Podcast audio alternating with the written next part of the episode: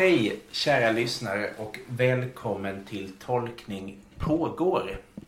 Jag som poddar idag är Ola Fornling och jag sitter här med min gäst Elisabeth Runefors.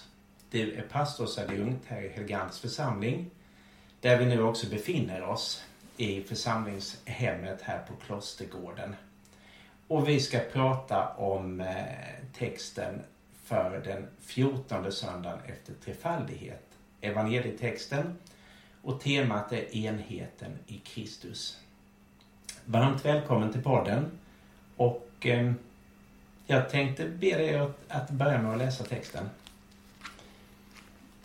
Ja, jag läser då ur Johannes evangeliet eh, kapitel 17, vers 18 till 23. Jesus sa Liksom du har sänt mig till världen har jag sänt dem till världen. Och för deras skull helgar jag mig till ett offer, för att också de ska helgas genom sanningen. Men inte bara för dem ber jag, utan också för alla som genom deras ord tror på mig. Jag ber att de alla ska bli ett och att liksom du, Fader, är i mig och jag i dig, också de ska vara i oss. Då ska världen tro på att du har sänt mig. Den härlighet som du har gett mig har jag gett dem för att de ska bli ett och för att liksom vi är ett, jag i dem och du i mig, de ska fullkomnas och bli ett.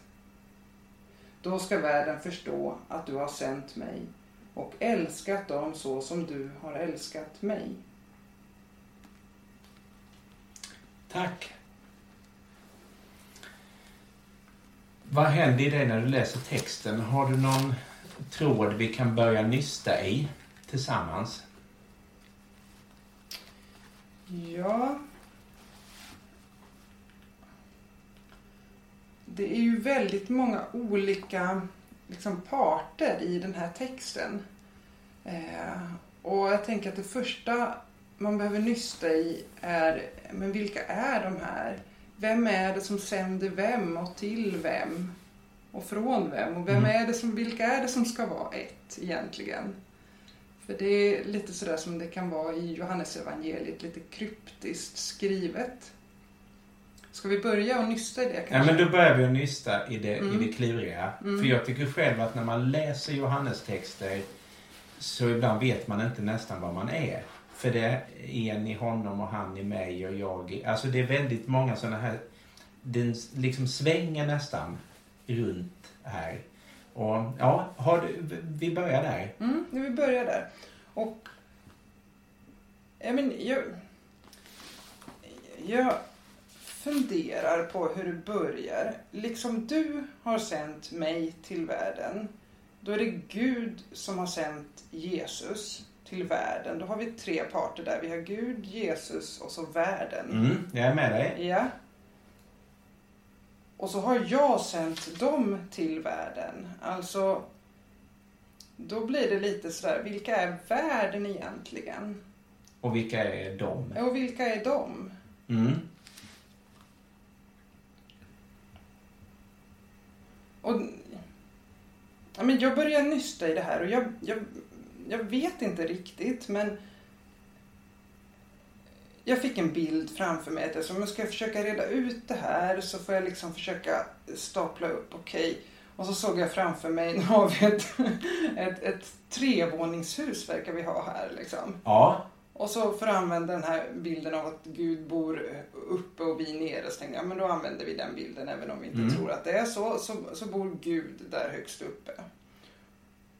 Och sen så är det nästa, sen så har vi en mellannivå på liksom mellanvåningen på andra våningen. Där, är män, där verkar det ju som att det är de, där de som bor Mm. där.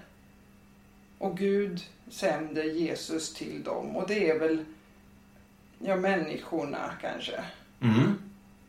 Mm, jag är Så är frågan vilka människor? För det här tycker jag texten blir klurig. Är det liksom till hela världen, alla människor? Eller har vi här en skillnad i att det är några som är liksom de utvalda här som Jesus som, som Gud liksom skickar Jesus till och sen och sen så är det de som i sin tur blir sända till världen. Och världen Och då är det då... kanske det som är den här den bottenvåningen, om man tänker att det är tre våningar. Mm. Och världen är då de som ännu inte har förstått. Tänker, Ja, tänker vi kan- så? ja, eller, men- eller, ja, ja, jag är helt öppen. Jag, jag är också helt om vi nu, öppen. det finns ju, det här är ju också lite... Det här skärgårds och manövreringar som är lite farliga ju hela tiden. Mm. För det handlar om... Vi är så skolade i vår tid också att inte prata om vi och dem gör. Mm. På goda grunder. Mm. Men, men här är det ju dem och vi.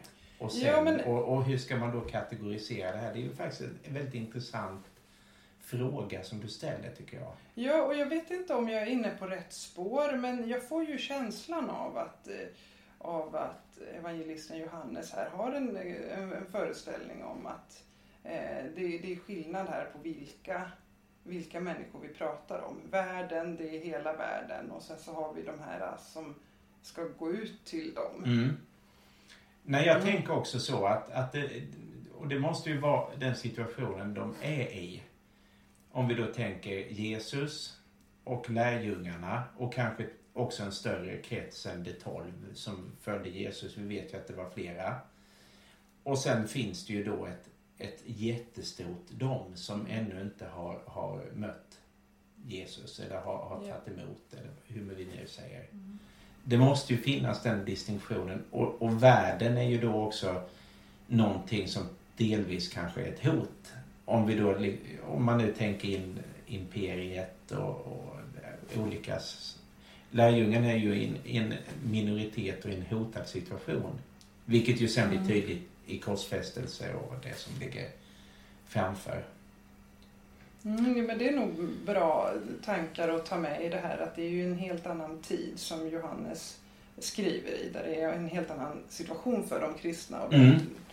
eh, där det kanske är tydligare att det finns ett, ett vi och ett dom. Mm.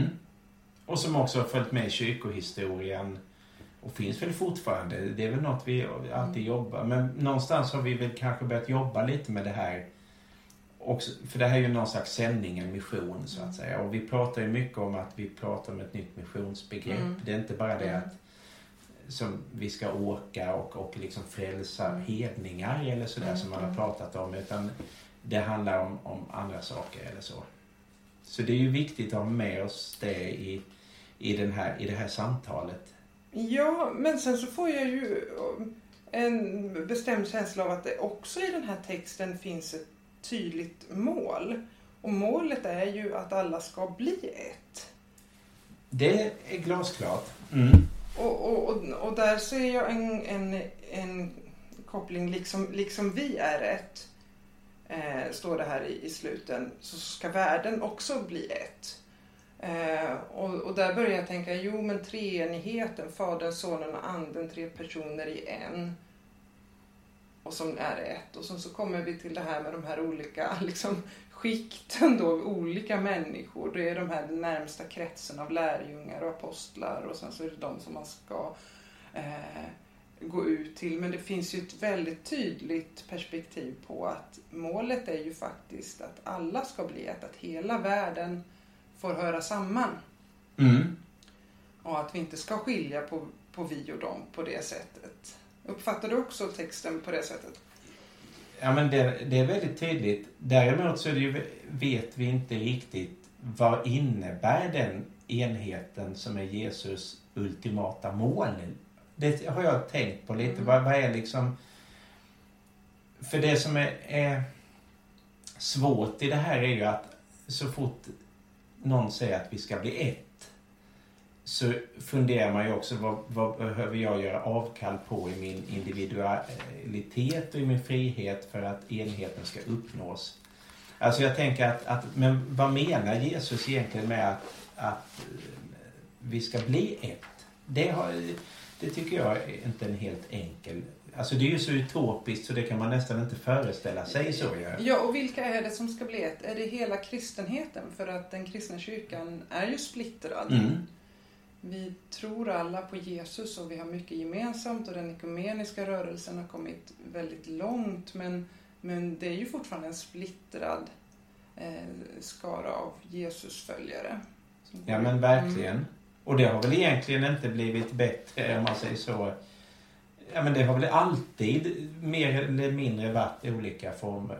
Alltså en väldigt splittrad bild mm. egentligen. Mm. Redan från starten. Det vittnar ju episteltexterna om sen. Där Paulus också jobbar stenhårt för det här enheten i församlingarna på olika sätt. Jag menar vi har Korint och vi har Rom och vi har Galatien och sådär. Att, att det... Mm, att splittringen är en del av vår verklighet och samtidigt så är det så att vi släpper inte heller enheten som mål. Så. Nej, och den här, den här texten har väl ofta tolkats som att det handlar om enheten bland de kristna. Mm. Men jag är inte helt säker när jag läser texten på att det är det det betyder. Det för jag funderar, ja, för mm. jag, funderar, jag funderar på om det handlar om en enhet för alla människor i hela världen oavsett religionstillhörighet. Det är ju en väldigt spännande tanke tycker jag.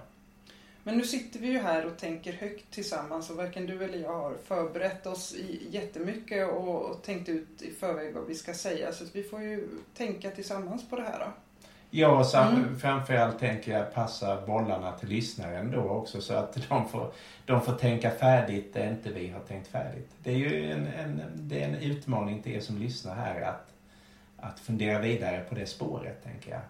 För jag har inte, för något, och det är ju också Johannes lite mystika sätt att skriva att, att det är ju inte glasklart vad som menas. Det är ingen instruktionsbok på det sättet att vi bara kan köra på utan det finns alltid, det lämnar ju också någonting till tolkaren vad enhet är och, så vidare. Mm.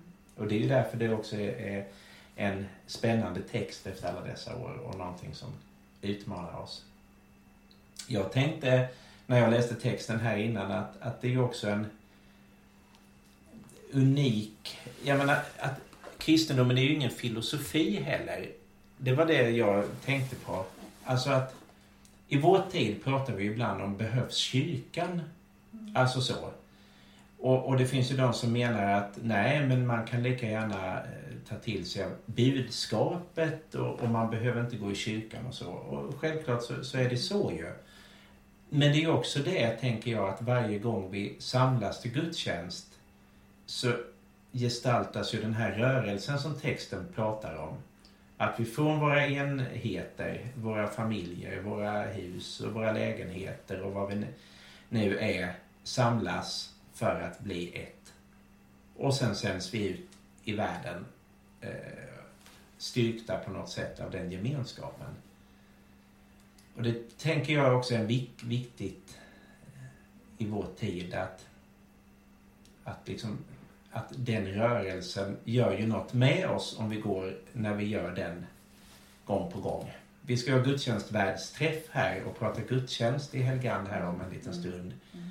Och träffa de eh, gudstjänstvärdarna som är engagerade här i församlingen. Och det är också människor, vi är ju väldigt olika mm. och tolkar väldigt olika.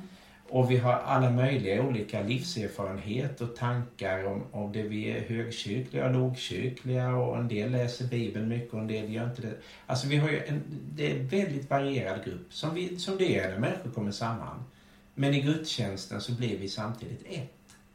Det är ju någon slags mirakel, det som, vardagsmirakel som jag tycker är spännande. Ja, och inte minst i, i nattvard, nattvarden så blir vi ju ett. Mm ett enda bröd. Ja. Ett enda men, en enda mänsklighet säger vi ju genom nattvardsbönen. Just det. Mm. Och det där är ju någonting... Ja, alltså det är något viktigt och jag tänker, det var, mina tankar gick till, till nattvardens mysterium när jag läste den här texten. Mm. Jag började fundera på det, men jo men vi blir ju faktiskt ett. Um, och också kopplat till det här med, ja, men, jag tycker det är så spännande att eh, tre, det, det, det, är ju som att det är den här diversifierade mänskligheten eh, som ska samlas och bli ett. Men så är det ju också så jämförs det ju med, med treenigheten som också är, är liksom tre och en enhet. Och så verkar det som att meningen är att även enheten, den här diversifierade världen och den gudomliga eh, treenigheten ska också länkas ihop. Det är där det blir så spännande. Mm. Nej men det är jätteintressant. Att där finns ju också den här spänningen mellan enheten och delarna. Och, alltså hela tiden. Som vi jobbar med också i trefaldighetstiden handlar ju mycket om att Mm. Då är ju treenigheten så att säga klar. Eller vad man nu ska säga. Alltså efter pingsten så kommer vi in i, i, i trefaldighetstiden och då eh, finns ju de komponenterna där. Liksom. Mm. Men, men jag tänker, det här, är- för, för det är ju också som, som jag sa innan att hade Jesus lära bara varit en filosofi så hade vi ju individuellt kunnat ta den till oss och praktiserat kärleksbudskapet och, och läran. Men här finns ju en ambitionsnivå som jag tycker är ganska häftig på det sättet att det är liksom en nivå till. Att vi också behöver på något sätt träna oss på enhet. Ja, ibland kan jag se gudstjänsten som att vi, vi tränar oss på att trots våra olikheter komma samman till ett. Att det är också någon slags praktik i det som gör någonting med oss på sikt. När vi delar brödet, Ja. när vi känner gemenskapen. När vi förstår att det- det gör ju också något med människovärde, med, med hur vi ser på varandra. Att vi, vi ser varandra som människor och skapade människor av Gud trots våra olikheter och våra schismer eh, i övrigt på något Mm. sätt. Ja, och där har jag mer och mer börjat känna en oro för att vårt samhälle, i vårt samhälle så har vi färre och färre sådana Mm. platser där alla, alla möts. Utan vi, vi är med dem som är likadana som vi, som tänker och tycker som vi. Och inte minst sociala medier har ju bidragit jättemycket till det, att alla lever i sina egna bubblor.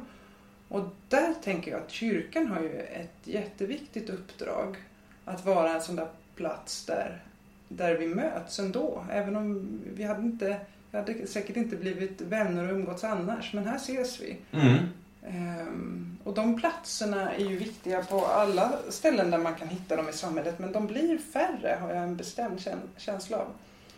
Jag håller helt klart med dig. Och samt, för det, faran är att, att platserna blir färre och samtidigt finns det liksom en längtan efter gemenskap tror jag i vår lite ensamma individualistiska tid. Och då kan det också ge ganska otrevligare uttryck så att säga av rasism eller alltså att man söker gemenskap på ett Mm. sätt för att anknyta till det du sa, för det gäller ju då att ha en gemenskap som inte är beroende av att det är vi mot, mot dem. Även om de tendenserna ju också finns då i texten med världen. Men det gäller ju att ha någon slags sunt förhållningssätt till det. Och sen så, det är bara att hoppas och be för att vi får så spretiga församlingar som möjligt, tänker jag ibland med olika åldrar och olika erfarenheter. Det, ju mer det blir så, ju mer levande blir också gudstjänst eh, och församlingslivet, tänker jag. För ibland är vi ju rätt homogena också i vår kyrkliga värld. Mm. Eh, så. Men, men strä, den här texten tycker jag utmanar oss till att sträva efter att, att eh, inkludera mer människor som också är olika oss på något sätt. Kan jag, om jag drar ut tanken lite från, från texten. Liksom. Och att vi också får hjälp av Gud då. Mm. Jesus bön, eller att vi ska bli ett, eller vilja att vi ska bli ett, att det är också med hjälp av Gud som vi kan uppnå det här. En, inte av egen förmåga egentligen. Så.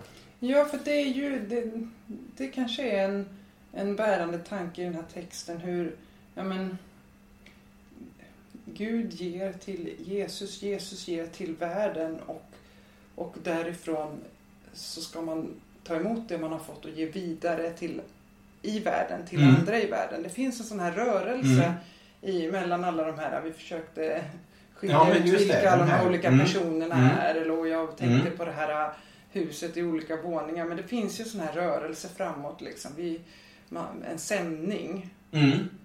Ehm, och där tänker jag att texten också pratar om att men så som Kristus har gett sig själv till världen, för världen, men så är vi också kallade att ge oss för varandra. Mm. Att det, för, för det, jag tycker texten jobbar hela tiden med den här parallellen. Liksom. Den gudomliga världen och, och, och vi. Och det, liksom, det finns kopplingar. Eh, och det är ju en sån parallell. Så som Kristus gav sig för oss ska vi ge oss för andra. Mm. Nej men Mm. helt klart så. Och att då kan vi inte heller, alltså då är ju hela berättelsen om hur Jesus möter människor vägledande i det att vi kan liksom inte tvinga oss på människor. Eller vi, kan, vi har alltid den här, vi kan visa en enhet, vi kan visa en, en kärlek till varandra och sen kan folk ta intryck och komma och gå som de vill. Alltså det är ju väldigt viktigt för jag menar det kan ju alltid dra åt olika sekthåll gemenskap. Vi vet ju också att den här viljan och, och goda viljan till enhet kan ju också ibland, om det dras för långt, bli skadliga enheter så att säga. Så att, att i samband med det också liksom understryka friheten och eh, i, i att, vi, att kunna vara med i gemenskapen så att säga. Det, det tycker jag också är viktigt. Det, mm. Och så tänker jag på det här, um, det här sista. Att då, när ni, när ni lyckas med den här enheten, då ska världen förstå att du har sänt mig och älskat dem så som du har älskat mig. Alltså att enheten, att vi förmår hålla ihop. Eh, och så kan man ju tolka det antingen som att det är kristenheten eller att det är hela mänskligheten. Eller kanske man faktiskt kan tänka både och samtidigt. Jag tror det. Mm. Eh, men att den enheten hur som helst är nyckeln till att både förstå, där det talar till någon slags intellektuellt, att förstå att du har sänt mig. Förstå vad evangeliet handlar om. Och sen så kommer det här och älskat dem så som du har älskat mig. Alltså att, att förstå kärlekens väsen. Alltså att vi, jag tänker det här att vi, vi då kanske Nej, men hjälp mig nu Ola. Nu vet Jag jag, ska- inte riktigt hur jag... Eh, kan jag inte hitta orden riktigt. Ja, men testa. Du var inne på kärlekens väsen. Ja, men, det kristna budskapet mynnar ju ut i kärlek. Alltså, Mm. det är ju det viktigaste budskapet och det är då vi förstår det. Det är när vi, när vi förmår visa att vi hör ihop. Ehm, kanske det här som du pratar om, att vi, vi samlas, vi kommer från olika håll, vi är olika, vi samlas i kyrkan. Och det är ju att visa på enhet. Mm. Men att det finns en direkt koppling därifrån till att också förstå kärlekens mysterium. Och som ju är liksom kärnan Mm. i den kristna tron. Mm. Nej, men Mm. jag är, är med dig. Och, och det är ju egentligen genom den praktiken som, som jag också snuddade vid innan som vi kan förstå kärleken. Alltså vi kan ju inte läsa, återigen, vi kan ju inte läsa oss till kärleken och så har vi förstått den. Utan det är ju via den praktiken. Och där tror jag att gudstjänstfirandet gör någonting med oss. Som ett exempel. Sen finns det också annat vi kan göra. Självklart att fira gudstjänst som är viktigt. Men, men det är ändå den vägen som vi har Mm. i kyrkan som jag tycker skulle kunna få en, en renässans i vår tid så att säga. Ja, och inte minst där vi delar bröd och vin och vi tror att vi blir ett i och Mm. med att vi gör det. Och det blir ju ett väldigt handfast sätt att manifestera vi är, vi är ett. Mm. Och det fina är då, precis som, som i texten, Mm. att sen kommer ju också sändningen. Ja, Att sen, det du har tagit emot, det vi har, vi har delat här tillsammans, det får vi gå ut med i världen. Men, men det finns ingen strikt sätt, utan där måste jag ju själv tolka det så att säga. Och det är det jag tycker är fint, att det finns liksom både det individuella, att jag har rätt att själv liksom tolka, jag får ta emot Kristus i bröd och vin. Jag får känna gemenskapen, jag får känna att vi är ett. Och sen får jag gå ut och försöka praktisera det så gott jag kan.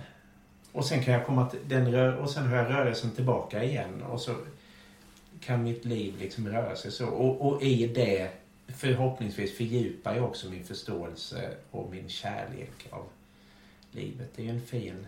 Jag tror, jag tycker det känns som att vi har liksom tillsammans landat i någonting som men som jag känner talar väldigt starkt till mig att den här texten, ja, men den, det kanske är lite som en eh, så, som ett, en gudstjänstfirande församling eh, kan väl ganska tydligt, precis som du sa, gestalta eh, vad den här texten handlar om. Det är det här att vi, vi är en brokig skara som kommer från olika håll, från olika bakgrund, gemenskaper, vi är olika gamla, olika erfarenheter med oss och så kommer vi till kyrkan.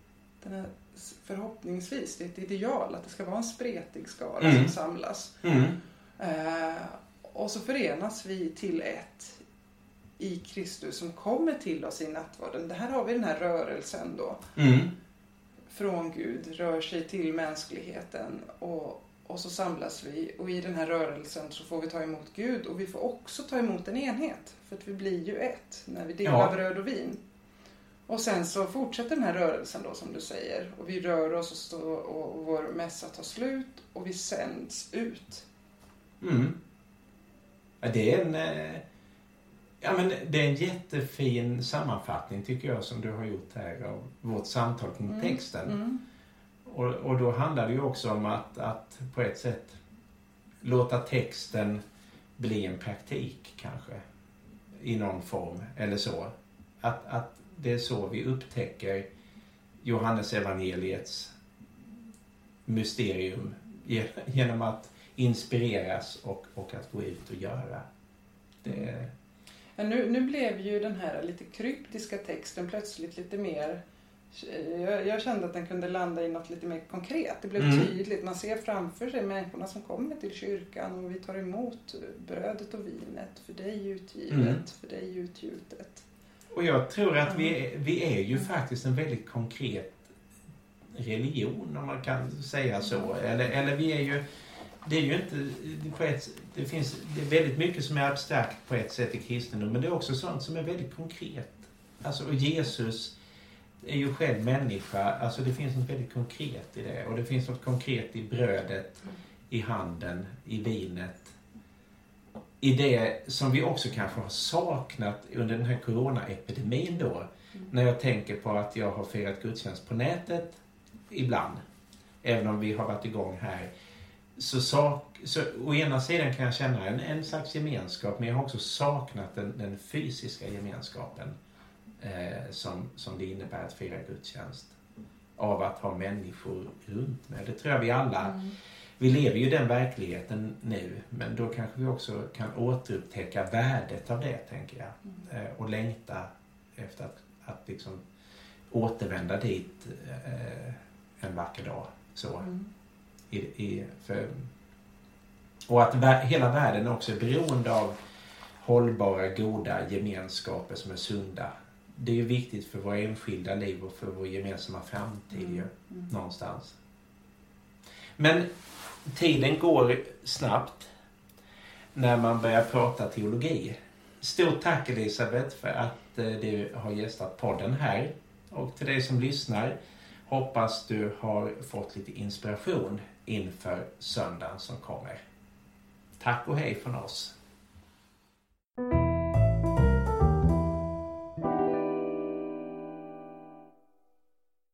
Du har lyssnat på Tolkning pågår, en teologipodd i samtalsform.